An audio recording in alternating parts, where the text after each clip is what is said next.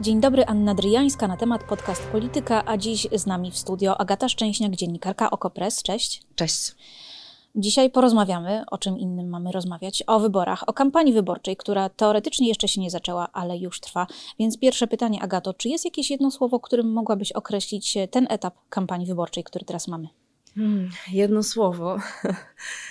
E, chyba, chyba wyczekiwanie. To jest taki moment, kiedy tak, jak moment tuż przed meczem, przed e, no, wyjściem bokserów na ring, kiedy oni się przygotowują w szatni. E, I to jest chyba taki moment, tylko on trwa już dobrych kilka miesięcy tak naprawdę, bo ta, to przygotowanie do kampanii ciągnie nam się już od dobrych paru miesięcy. No właśnie, wyczekiwanie, a przecież do wyborów jeszcze, jeszcze 9 miesięcy, no może z, z lekkim haczykiem. No tak, ale mm, no, to jest taka kampania, o której, że już się zaczyna, to mówiliśmy my komentatorzy już kilka miesięcy temu. E, I to jest po prostu, jest, będzie chyba najdłuższa kampania w ostatnim 20 czy 30 może nawet leciu. Słyszę takie wstrzymywane westchnienie w Twoim głosie. Um, no tak, zmęczenia? Jest to, jest to, tak, oczekiwanie zmęczenia, tak. Myślę, że no, my dziennikarze, politycy, ale sądzę też, że będzie to widać e, wśród obywateli, obywatelek, obywateli, że w pewnym momencie e, może nadejść taki moment, kiedy wszyscy będą mieć serdecznie dość e, tej kampanii i ciekawa jestem, jak to na nią wpłynie. E, jakaś utrata zainteresowania, bo nie da się utrzymać przez tyle miesięcy e, nieustannego zainteresowania takimi najbardziej bieżącymi wydarzeniami. Dla nas to jest praca, ale dla, e, dla tych, którzy nas oglądają, to praca nie jest. Hmm. Jak na razie uwagę przyciąga Szymon Hołownia, lider Polski 2050. Reszta opozycji zarzuca mu, że jest grabarzem wspólnej listy. Czy podzielasz tę ocenę? Ja myślę, że Szymon Hołownia walczy o to, żeby być osobnym bytem na scenie politycznej. I trudno mu się dziwić. Założył partię, wystartował najpierw w wyborach, potem założył partię, e, no i chce, żeby ta partia była postrzegana jako no, osobna partia, osobna oferta dla wyborców. E, I to, co robi ostatnio, to myślę, że jest e, taka praca nad tym, żeby odróżnić się od innych i pokazać, że jest no, Właśnie, że, że, że, jest jakąś, jakąś całością. Natomiast co do jednej listy, nie ma jednoznacznych odpowiedzi ze strony ekspertów, ze strony tych, którzy badają to, jak się mm, układają głosy, czy jedna lista jest na pewno najlepszym rozwiązaniem dla opozycji.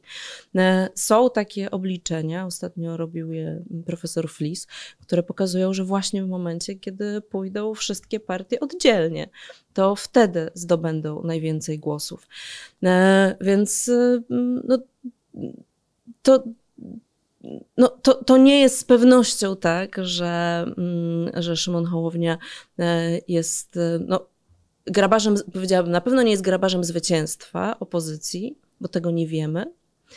E, natomiast jednej listy być może tak, ale, mm, ale niekoniecznie jest to złe dla opozycji. Natomiast tak czy inaczej, tutaj nie ma żadnych rozstrzygnięć. I to powiedział sam Szymon Hołownia. Y, wszystkie opcje są cały czas na stole i myślę, że to są te najbliższe 2-3 miesiące, kiedy e, to się rozstrzygnie, kiedy partie opozycyjne podejmą te, te decyzje.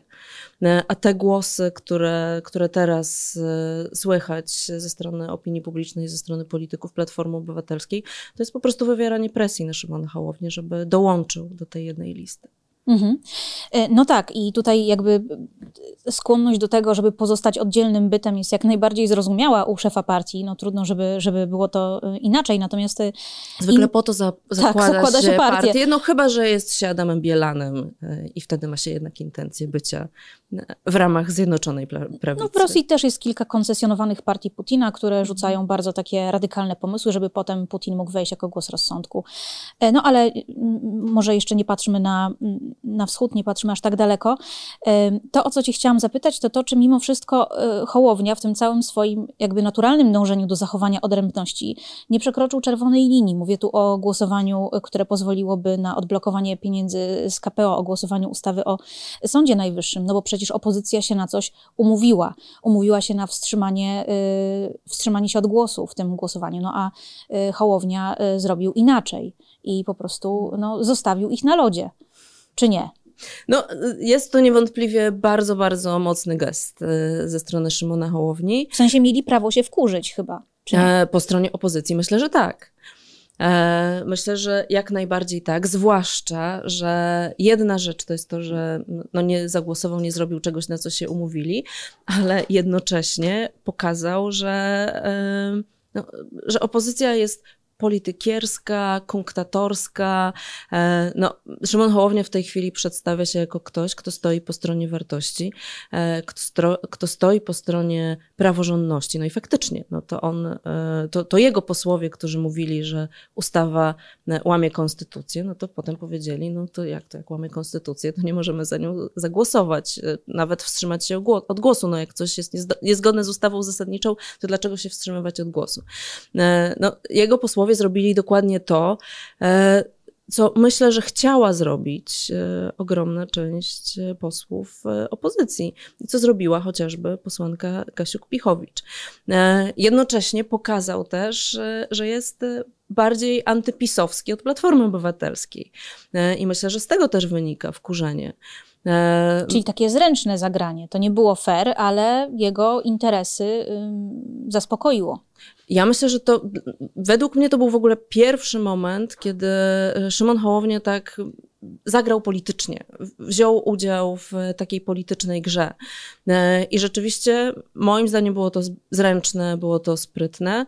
Nie mam pojęcia i nie wiem, jestem bardzo ciekawa, jakie to przyniesie mu efekty w sondażach. Być może żadne.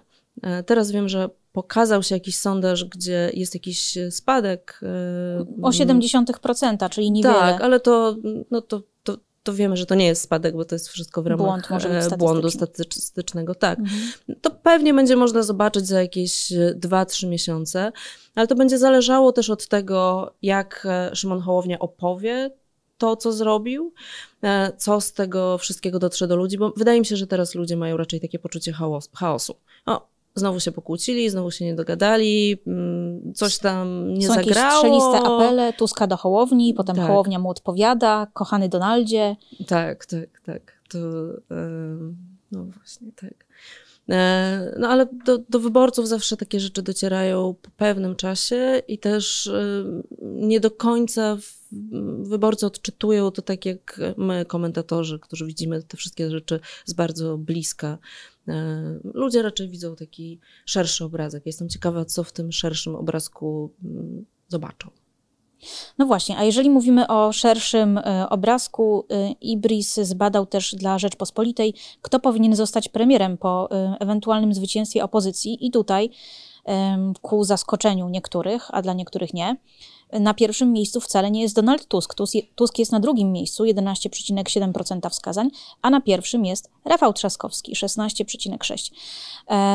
No i Hołownia, pytany o ten sondaż, powiedział, że no, e, mam nadzieję, że tutaj Tusk puści kogoś przodem w razie czego. Czy ty wierzysz w ten scenariusz? Po pierwsze, w ogóle mnie, mnie, nie zaskakują wyniki tego sondażu.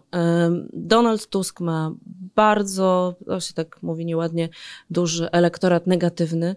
E, no ma po prostu bardzo wiele osób, które go nie lubią, nie chcą znowu w polityce, mają wobec niego też często słuszne zarzuty. E, nie spełnił mm, oczekiwań, które duża, duża część wyborców miała. Jest też oczywiście atak, e, przedmiotem ataków e, ze strony chociażby TVP, e, okropnych, obrzydliwych e, i, i to też bardzo negatywnie wobec niego nastawia, więc to, że nie jest tu na pierwszym miejscu, kompletnie mnie nie zaskakuje. Z drugiej strony Rafał Trzaskowski jest kimś, komu ciągle przypisuje się mnóstwo pozytywnych walorów, choćby dlatego, że go w pewien sposób nie ma. On jest. E, Przynajmniej nie w centrum tej przepychanki, tak, która się tak. teraz odbywa na opozycji. E, oczywiście jest prezydentem Warszawy, różne załatwia sprawy lokalne, jeździ, jeździ po świecie jako prezydent Warszawy i członek różnych sieci e, miast, ale zupełnie nie bierze udziału w tych takich bieżących wojenkach na opozycji. I myślę, że w związku z tym mnóstwo wyborców rzeczywiście postrzega go jako kto, kogoś, kto mógłby tu zrobić coś nowego. To jest jakoś ciekawe i czasem no, Rafał Trzaskowski jednak jest w polityce od bardzo, bardzo wielu lat, e, a ludzie ciągle e, patrzą na niego jako na kogoś e, trochę spoza polityki. I no, trochę... wiesz, minister cyfryzacji, kto o tym pamięta? No kto właśnie, pamięta tak, o tym, tak, że był w Brukseli? Tak, tak, tak.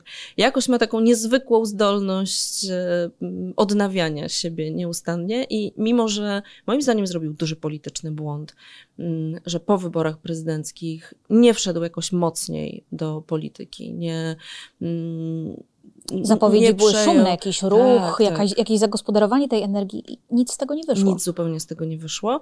A mimo wszystko ludzie są mu gotowi wybaczyć tego rodzaju zaniechania.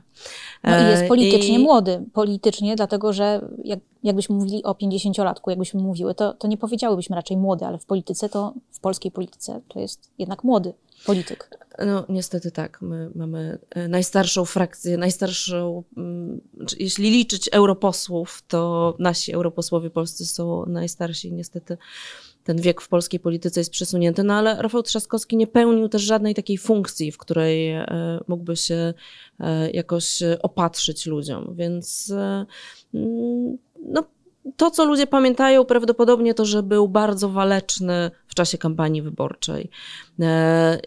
Też pewnie zakładają, że on mógłby być kimś, kto się lepiej dogada mm, z innymi e, koalicjantami, bo to co, to, co sądzę, że ludzie widzą, to, e, że Donald Tusk obiecywał jedną listę, obiecywał zjednoczenie opozycji. No i co? Mm, niedługo będą dwa lata e, od tych jego obietnic i nic. No więc być może Rafał Trzaskowski byłby kimś, kto by usadził przy jednym stole tych wszystkich opozycyjnych liderów i e, coś z nimi wspólnego zrobił. Chyba lewicy byłoby łatwiej z nim rozmawiać niż z Tuskiem. Myślę, że tak. Hmm. No dobrze, żebyśmy zakończyły wątek opozycji, no to nie można nie powiedzieć o, o sławnej, osławionej może nawet wypowiedzi ministra, europosła obecnie Radosława Sikorskiego, który w, w rozmowie radiowej, w Radiu Z bodajże, powiedział, że PiS miał taki moment zawahania na początku wojny, gdy Rosja napadła na Ukrainę w lutym 2022 roku, że przez te pierwsze 10 dni ten rozbiór Ukrainy był taką no, opcją myślową, którą, którą niektórzy się bawili, tak? No i ta wypowiedź stała się bardzo głośna e, nie tylko w Polsce, ale i za granicą. Rosja bardzo tę wypowiedź e, pompuje. Premier Morawiecki mm, apeluje o ważenie słów. E, Radosław Fogiel chce z kolei, żeby odciąć Radosława Sikorskiego od, od mediów. Czy to w ogóle ma jakiekolwiek znaczenie w kampanii wyborczej w Polsce, czy, czy to jest tylko taka burza, którą przejmują się komentatorzy, specjaliści od spraw zagranicznych, e, osoby, które, którym szczególnie bliska jest sprawa ukraińska? No, e, Radek Sikorski jest bardzo znaną postacią w polskiej polityce. Jest też kimś, kto raz po raz wywołuje tego rodzaju burze. Czasem mam wrażenie, że mm, Platformie Obywatelskiej czy Koalicji Obywatelskiej lepiej idzie, no a potem wejdzie Radek Sikorski i coś powie i, e, i znowu wszyscy mają powód, żeby atakować jego, a, a zatem też Platformę Obywatelską. Takich wypowiedzi mieliśmy ileś e, w ostatnich miesiącach. Mm, inna sprawa jest, że rzeczywiście ten e, taki cykl medialny żywota wypowiedzi różnych jest bardzo krótki i się, i się jeszcze bardziej skraca. Ale na przykład wczoraj, jak, czy, czy przez ostatnie dni, jak obserwowałam trendy na Twitterze, który jest takim miejscem, gdzie dyskutują politycy i dziennikarze i osoby najbardziej zainteresowane polityką. E, no to przez ostatnich kilka dni na pierwszym miejscu w tych trendach był Szymon Hołownia, e, a wczoraj nagle wskakuje Radek Sikorski. E, no i rzeczywiście wszystkie oczy teraz, wszystkie kamery i mikrofony na Radka Sikorskiego to moim zdaniem nie służy to zupełnie e, Platformie Obywatelskiej, nie pomaga.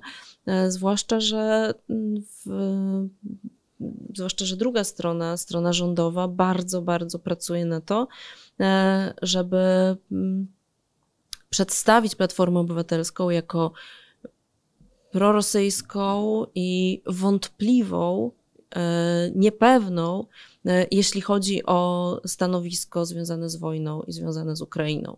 I chociaż to kompletnie nie ma e, zakorzenienia w rzeczywistości, e, opowiadanie, że Platforma Obywatelska jest partią putinowską, jest, no, no jest no jest po prostu jakąś aberracyjną wypowiedzią, e, no to tego rodzaju wypowiedzi Radka Sikorskiego propaganda mm, rządowa może bardzo łatwo wykorzystać.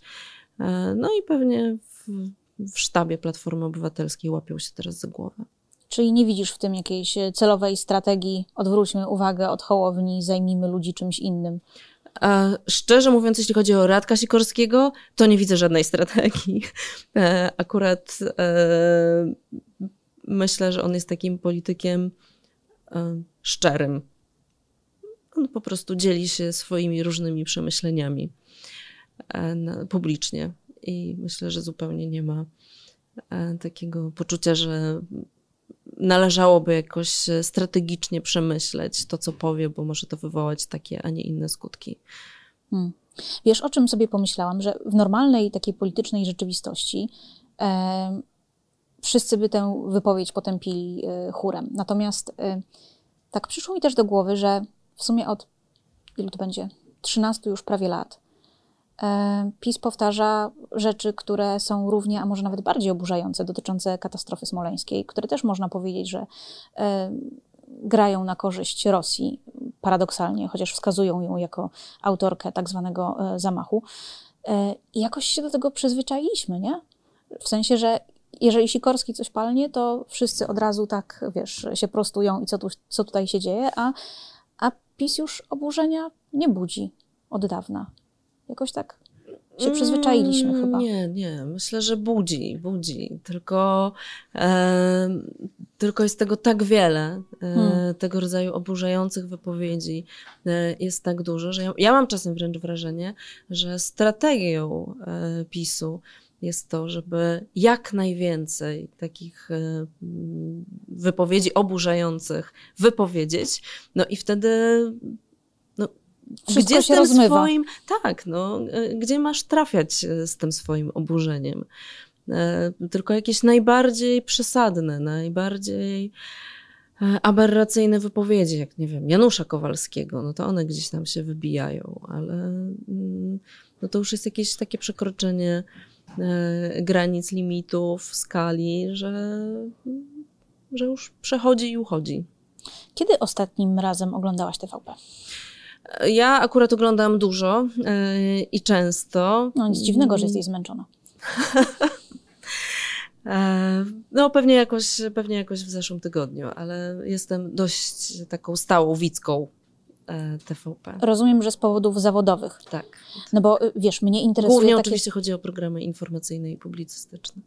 Mnie interesuje takie, wiesz, oglądanie dla przyjemności, albo skaczesz sobie po kanałach i nagle wyskakuje ci TVP. I już mówię, dlaczego cię pytam. Dlatego, że prezes Mateusz Matyszkowicz, nowy prezes, chociaż już jednak wcale nie taki nowy, był już od kilku miesięcy, zapowiada, że y, będzie nowa oferta TVP dla osób, także dla tych osób, dla, także dla tych widzów, którzy, którzy przez ostatnie kilka lat nie oglądali telewizji publicznej. E, czy ty w to wierzysz, że coś takiego powstanie? A jeśli tak, czy wierzysz, że będzie cieszyło się powodzeniem, że ci widzowie, którzy w ostatnich latach odwrócili się od TVP, wrócą? No, bardzo jestem tego ciekawa i. E, taka pierwsza odpowiedź jest oczywiście nie, choćby ze względu na markę, jaką ma TVP, które kojarzy się jak najgorzej e, wszystkim tym, którzy nie oglądają TVP na co dzień, ale mogę odrobinę skomplikować ten, ten obraz, bo ja oglądam programy tak zwane informacyjne, choć informacji tam za wiele nie ma, i publicystyczne, które faktycznie są publicystyczne. E, no i są to rzeczy męczące, dalekie od prawdy, manipulacyjne i tak dalej. I mogłabym tutaj opowiadać o tym, jak są propagandowe i okropne i generalnie nie polecam. E, oglądam, żeby inni nie musieli. E, natomiast to nie jest cała, cała TVP, to nie jest cała telewizja polska. Tam są najróżniejsze inne programy, które ludzie oglądają i właśnie je oglądają z przyjemnością. Czy to jest ten moment, kiedy seriale... mówisz o TVP Kultura? E, nie, mówię też o tych dwóch głównych antenach. I to, to też nie jest tak, że są, jest tam tylko Sylwester Marzeń i Disco Polo. Nie, to są seriale historyczne, które starsze osoby oglądają i lubią. To są teleturnieje, które mm, ludzie znają od bardzo, bardzo wielu lat. To była zresztą jedna strategia, to, to była strategia Jacka Kurskiego, e, żeby przywrócić różne formaty, które, które ludziom się dobrze kojarzyły. E, I okazało się, że rzeczywiście one mają znowu dużą oglądalność i to są też nowe formaty, takie jak Sanatorium Miłości, e, czyli reality show dla seniorów. E, o miłości właśnie, który się cieszy ogromną popularnością. I TVP zrobiło coś, co, mm, co jest na polskim rynku dość dużą innowacją, czyli zwróciło się do grupy starszych osób. E, i potraktowało ich serio i zaczęło im, zaczęło im oferować e, rozrywkę, e, no, która nie jest dla tych osób upokarzająca, tylko jest fajna, którą lubią. Czy to znaczy, że ci, którzy tworzą TVP, będą umieli też e, zrobić coś dla osób z większych miast, e, dobrze wykształconych, e, średnio młodych ludzi? Nie wiem. Myślę, że te osoby po prostu z góry zakładają, że nigdy nie włączą TVP. Ale gdyby telewizja ze swoim budżetem, który jest ogromny, przecież został ostatnio powiększony. I jest został powiększony. Zaczęła inwestować w naprawdę dobre, długie, dobrze zresearchowane dokumenty, to mm, myślę, że ludzie mogą przestać myśleć o tym, że to zrobiła TVP, e, a będą oglądać po prostu konkretne rzeczy. E, zresztą ja już dzisiaj słyszę od niektórych twórców telewizyjnych, że oni robią materiały dla TVP, bo tam dostają budżet, a przede wszystkim dostają czas. E, coś, czego nie mają w telewizjach prywatnych, gdzie wszystko musi być natychmiast zrobione. E, w TVP można pracować nad e, rzeczami dłużej. Tylko no chyba zakres tych dokumentów, zakres tematyczny jest dosyć ograniczony. Tak. Tak, chociaż ja niedawno byłam na premierze mm, filmu o Korei który mógłby swobodnie zostać puszczony w jakiejkolwiek telewizji prywatnej. Ale wiesz, państwo na drugim I... końcu świata dosyć bezpieczny tak, temat. Tak, tak. No ale takie rzeczy TVP też finansuje. Więc hmm. to takie moje e, trochę skomplikowanie obrazu.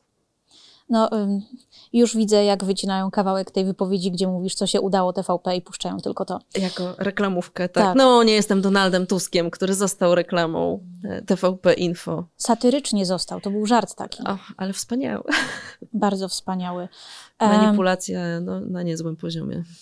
Dobra, bo w sumie cały czas skupiamy się na opozycji, ale nie zapominajmy, że u władzy jest Prawo i Sprawiedliwość e, razem z koalicjantami, czyli Zjednoczona Prawica. W jakim oni są momencie na dziewięć, no może troszkę więcej miesięcy przed wyborami? W momencie i trudnym, i łatwym. Trudnym, bo, mm, bo sondaże spadają, bo pokazują, że Prawo i Sprawiedliwość nie mogłoby, e, nie będzie sprawowało władzy po wyborach i mają różne obiektywne trudności związane z inflacją, z cały czas gdzieś widocznym na horyzoncie kryzysem, z nieprzewidywalnością sytuacji międzynarodowej i tak dalej. E, natomiast jednocześnie jest to o tyle łatwe, że no, w tej chwili mało kto się spodziewa, że Prawo i Sprawiedliwość mogłoby wygrać te wybory. E, więc e, no to jest taka sytuacja, że można zaskoczyć. E, w PiSie, w okolicach PiSu mówi się, że oni mm, będą mieli najmocniejsze listy wyborcze e, w swojej historii. Być może ściągną swoich europosłów. e, czy europosłanki, takie jak Beata Szydło, która by była no, ogromnym wzmocnieniem list wyborczych PiSu. No i z pewnością Prawo i Sprawiedliwość bez walki się nie podda, co już widzimy mm, przy okazji próby zmiany kodeksu wyborczego. E, więc myślę, że co najmniej kierownictwo PiSu jest e, bardzo zmobilizowane i bardzo przekonane do tego, że będzie w tych wyborach walczyć i że, no i że łatwo władzy opozycji nie odda. Mhm. No, nadal jakby nie patrzeć, tu patrzę na sondaż Ibrisu dla Radia Z, PiS 33,4%. To um, świetny wynik po 8 latach, 7,5. Tak, e, i to też mówią mm, no, bardziej przychylni e, PiSowi komentatorzy zwracają na to uwagę, że rzeczywiście po tylu latach, po tylu kryzysach, e, po też zwłaszcza tak ciężkich ostatnich dwóch latach, pandemia, wojna, problemy gospodarcze, no jednak utrzymać się na takim poziomie to jest, jest osiągnięcie. E, inna, no, inna sprawa, sprawa, że to osiągnięcie że, na dopingu w postaci TVP na przykład. E, tak, i na, na, różnych innych e, dopingach i w kampanii wyborczej też będzie ten doping e, na najróżniejszych polach, choćby związanych prawdopodobnie z, z tymi zmianami w kodeksie wyborczym, jeśli PiSowi uda się je przeprowadzić. Czasu nie mają za wiele. Ja mam nadzieję, że się nie uda, bo jednak zmiany tak ostatnim momencie kodeksu wyborczego. No to jest coś, co nie powinno mieć miejsca. No ale dlaczego e... mieliby tego nie przepchnąć kolanem, łamiąc konstytucję lub nie? Co, dlaczego tym razem miałoby być inaczej? E, no, dobre pytanie. W paru momentach e, jednak rezygnowali z, z, różnych, z różnych ustaw, więc może tym razem też.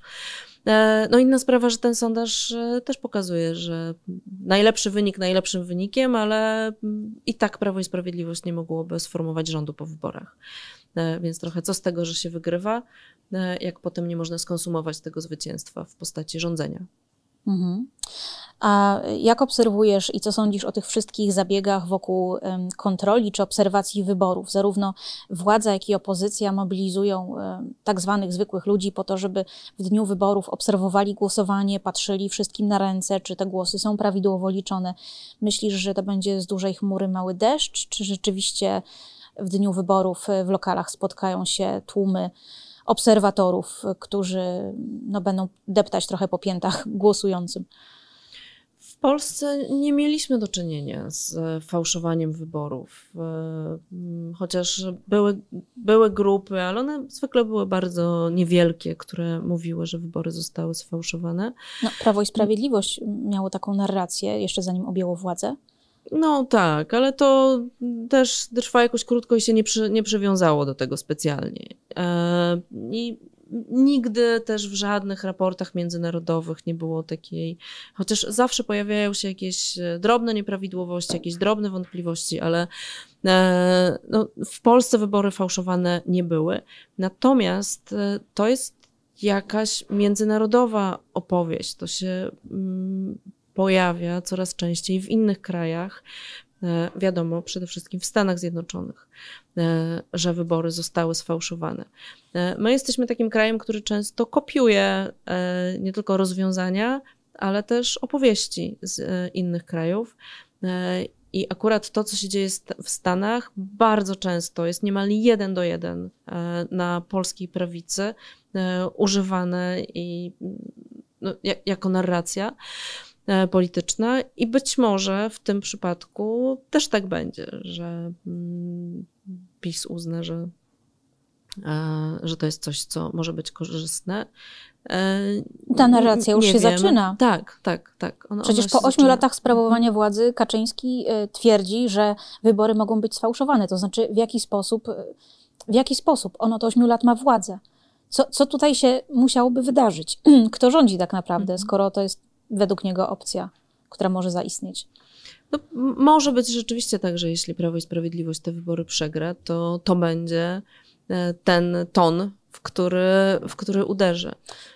I tu dochodzimy do 6 stycznia 2021 roku, atak trumpistów na Capitol, no bo te wszystkie opowieści Trumpa, e, byłego prezydenta USA, to jego przekonanie, że może albo wygrać, albo wygrać, e, tylko w jednym przypadku nie obejmie władzy, bo wybory zostały sfałszowane, to się przełożyło na e, konkretny rezultat. Uważasz, że w Polsce też to ryzyko istnieje, że pewna grupa obywateli zainspirowana tą narracją, albo na sygnał, albo samorzutnie stwierdzi, że trzeba wziąć sprawy w swoje ręce? Do tej pory bym powiedziała z dużym przekonaniem, że nie. E, teraz e, nie wiem. Pewnie jest taka opcja, właśnie na zasadzie takiego trochę kopiowania kopiowania rozwiązań, wydarzeń e, ze Stanów Zjednoczonych, ale też e, no pewnie jakichś emocji, które, które są i które są mm, no też bardzo sprytnie i celowo mm, rozbudzane przez obóz władzy. No jeśli Donald Tusk jest przedstawiany przez ostatnich ileś miesięcy jako zdrajca i proputinowski polityk, e, który ma e, partię, która jest właściwie partią e, rosyjską, no to jeśli ktoś taki wygra wybory razem z całą koalicją i będzie formował rząd, no to jak nie protestować przeciwko komuś takiemu? Mam nadzieję, że nikt tego nie wytnie, albo że będzie widać ironię tym, co mówię. My tego nie wytniemy. Co zrobią inni, to już wiesz, trudno nam za to mm, odpowiadać, co zrobi TVP na przykład. Ironia jest bardzo niebezpieczna. Niektórzy już nawet czasach. używają tego jako hashtagu, hashtag ironia, a i tak niektórzy nie doczytają ironia do alert. końca. Tak, mm. nie doczytają do końca i tak jest, i tak jest burza. Um, Dobrze, więc na zakończenie zapytam Cię, zależnie od tego, kto wygra, znowu Zjednoczona Prawica czy, czy opozycja, jak widzisz te najbliższe miesiące po wyborach? Bo spotykam się z głosami, że ta wygrana dla opozycji, no z jednej strony jakby fajna sprawa, wreszcie objąć władzę, ale z drugiej, no biorąc pod uwagę stan gospodarki, kryzys, wojnę i tak dalej, to wcale nie jest taki dobry deal to ja powiem o czymś jeszcze innym, czemu będę się przyglądać w tej kampanii i co akurat daje mi e, nadzieję. To są różne środowiska, które zgłaszają się do opozycji, które będą się zgłaszać do opozycji, e, które mm, widzą najróżniejsze błędy, niedostatki, dziury w naszym państwie i widzą szansę w wygranej opozycji na to, żeby ponaprawiać e, różne rzeczy. I to są z jednej strony osoby zaangażowane w sprawy klimatu, to są osoby zaangażowane w walkę o prawa kobiet, w prawa osób z niepełnosprawnościami. E, w piątek odbywa się szczyt edukacyjny, gdzie cała koalicja najróżniejszych organizacji e, będzie formułowała postulaty wobec polityków i no, tak naprawdę wobec polityków opozycji e, dotyczące właśnie e, reformy edukacji. Więc z bardzo wielu środowisk wyjdą postulaty, propozycje, zostaną napisane rozwiązania, e, które opozycja będzie mogła wziąć i, i realizować po wyborach. E, więc kryzys nie kryzys, ale jeśli nawet opozycja nie napisze jakiegoś swojego programu konkretnego, to różne inne grupy i osoby ten program napiszą i, e, i on będzie do, do będzie do wzięcia. No, pytanie, czy zostanie wzięty. No i e, na koniec, bo zajmujesz się też, jakby śledzisz techniki manipulacji w, w internecie, wpływania różnymi fake newsami na, mm, na opinię publiczną. Czy miałabyś jakąś radę dla osób, które nie pracują w polityce, w dziennikarstwie, którzy, które po prostu e, chcą wiedzieć, co się dzieje i trafiają do nich różnego rodzaju treści? Jak się uchronić przed tym, żeby, żeby się po prostu nie nabrać na, na, jakieś, na jakieś treści, które mogą być właśnie tworzone właśnie po to, żeby wpłynąć na przebieg kampanii wyborów? Mhm. E, po pierwsze, ograniczyć e, użytkowanie mediów społecznościowych. E, naprawdę, zwłaszcza w czasie kampanii. Mniej Jak Facebooka, najmniej, Twittera, mniej Instagrama, TikToka. Dokładnie, tak, tak. I naprawdę, i mówię to zupełnie serio. E, możemy różnych rzeczy się uczyć, jak się tam zachowywać, ale bardzo często nie jesteśmy w stanie zapanować nad swoimi odruchami i rozwiązaniem jest nie używać. Używać jak najmniej za to korzystać z dużych mediów, e, które mają duże redakcje, wielu dziennikarzy, gdzie teksty są sprawdzane, gdzie są redaktorzy, korektorzy, e, gdzie teksty przechodzą przez e, no, jakiś proces redakcyjny. Ileś par rąk, oczu. Tak, i gdzie są ludzie, którzy naprawdę znają się na tym, o czym piszą. I przede wszystkim są to ludzie, którym zależy na tym, żeby opowiedzieć o rzeczywistości, e, przedstawić fakty, a nie zrealizować czyjś interes. Więc e, duże portale, duże redakcje, czasem mamy wobec nich jakieś zarzuty, że one są jakoś e, ideologicznie nastawione, skrzywione, ale nawet jeśli tak, to, to właśnie w takich dużych redakcjach mimo wszystko, na skalę tego, co się dzieje w internecie, jest duże prawdopodobieństwo, że dowiemy się tego, jak rzeczywistość wygląda naprawdę. E, kolejna rzecz, wyrobić sobie odruch sprawdzania. Naprawdę, nie podawać dalej żadnych treści przed sprawdzeniem, skąd one pochodzą. E, to, że pan Wiesiek czy pani Jola coś napisała na Facebooku, a słyszeliście, że nie. Proszę Państwa, nie podawajmy takich rzeczy dalej. Wiesz co, ja widziałam ostatnio um, takie wpisy dotyczące żony jednego z liderów opozycji, jakieś e, twierdzenia, wiesz, kompletnie oburzające, e, znaczy oburzające mhm. rzeczy, ale nie poparte niczym. I ludzie to podają dalej, i podają dalej, i robi się burza. I ludzie piszą, no tak, mogę w to uwierzyć, bo on jest taki i taki. No, jakby ręce opadają. Mhm. No właśnie, nie, to w ogóle przycisk e, podaj dalej e, jest, e, jest najbardziej ryzykownym przyciskiem, bo my uczestniczymy wtedy w, no, w rozpowszechnianiu rzeczy nieprawdziwych, w tworzeniu jakiejś burzy w szklance wody. Jesteśmy no, Naprawdę, zastanówmy się, zanim cokolwiek e, podamy dalej, sprawdzajmy, kto jest autorem e, tego, co właśnie jest e, przed naszymi oczami. Okej, okay, czyli mniej mediów społecznościowych, więcej y, takich treści tworzonych przez duże redakcje i y, nie udostępniajmy, jeżeli nie jesteśmy pewni, że źródło informacji jest y, godne zaufania, nie jest nim zapłakana kuzynka czy, tak, tak. czy rozmowny też... sąsiad. Tak, pamiętajmy też o tym, że to, co się dzieje w mediach społecznościowych i w internecie, rozgrywa się na różnych poziomach. Jeden to jest polityczny, ale drugi to jest po prostu stricte gospodarczy i te wszystkie platformy zarabiają na naszych lajkach i na podawaniu dalej. E, I, i, i to nie jest tak, że o, coś jest fajnego, więc ja to podaję i biorę udział w rozpowszechnianiu jakiejś rzeczy, bo właśnie wydaje mi się, że o, ta plotka o tym polityku, to warto, żeby ludzie ją usłyszeli. E, ale no, tworzymy szum, który pozwala zarobić e, tym firmom, e, a wcale nie jestem pewna, czy wszyscy chcemy tak dokładać się im do kasy. Plus do tego dochodzą jeszcze e, hakerzy z Rosji, którzy przecież ingerowali w wybory mhm. w Stanach Zjednoczonych w 2016 roku. Dlaczego mieliby mhm. stwierdzić, że odpuszczą polskie mhm. wybory? Tak. No te wybory będą też takim dużym testem odpowiedzialności dla e, wszystkich obywatelek i obywateli. I naprawdę, każdy z nas, e, robiąc cokolwiek w internecie, pisząc, lajkując, podając dalej, na każdym z nas duża odpowiedzialność spoczywa. Dokładnie tak. I tą y, myślą żegnam się z Agatą Szczęśniak, dziennikarką Okopres. Dziękuję. Dzięki. E, a z Państwem żegna się Anna Dryjańska z redakcji na temat, a w podcaście Polityka widzimy się za kilka dni. Do zobaczenia, do usłyszenia.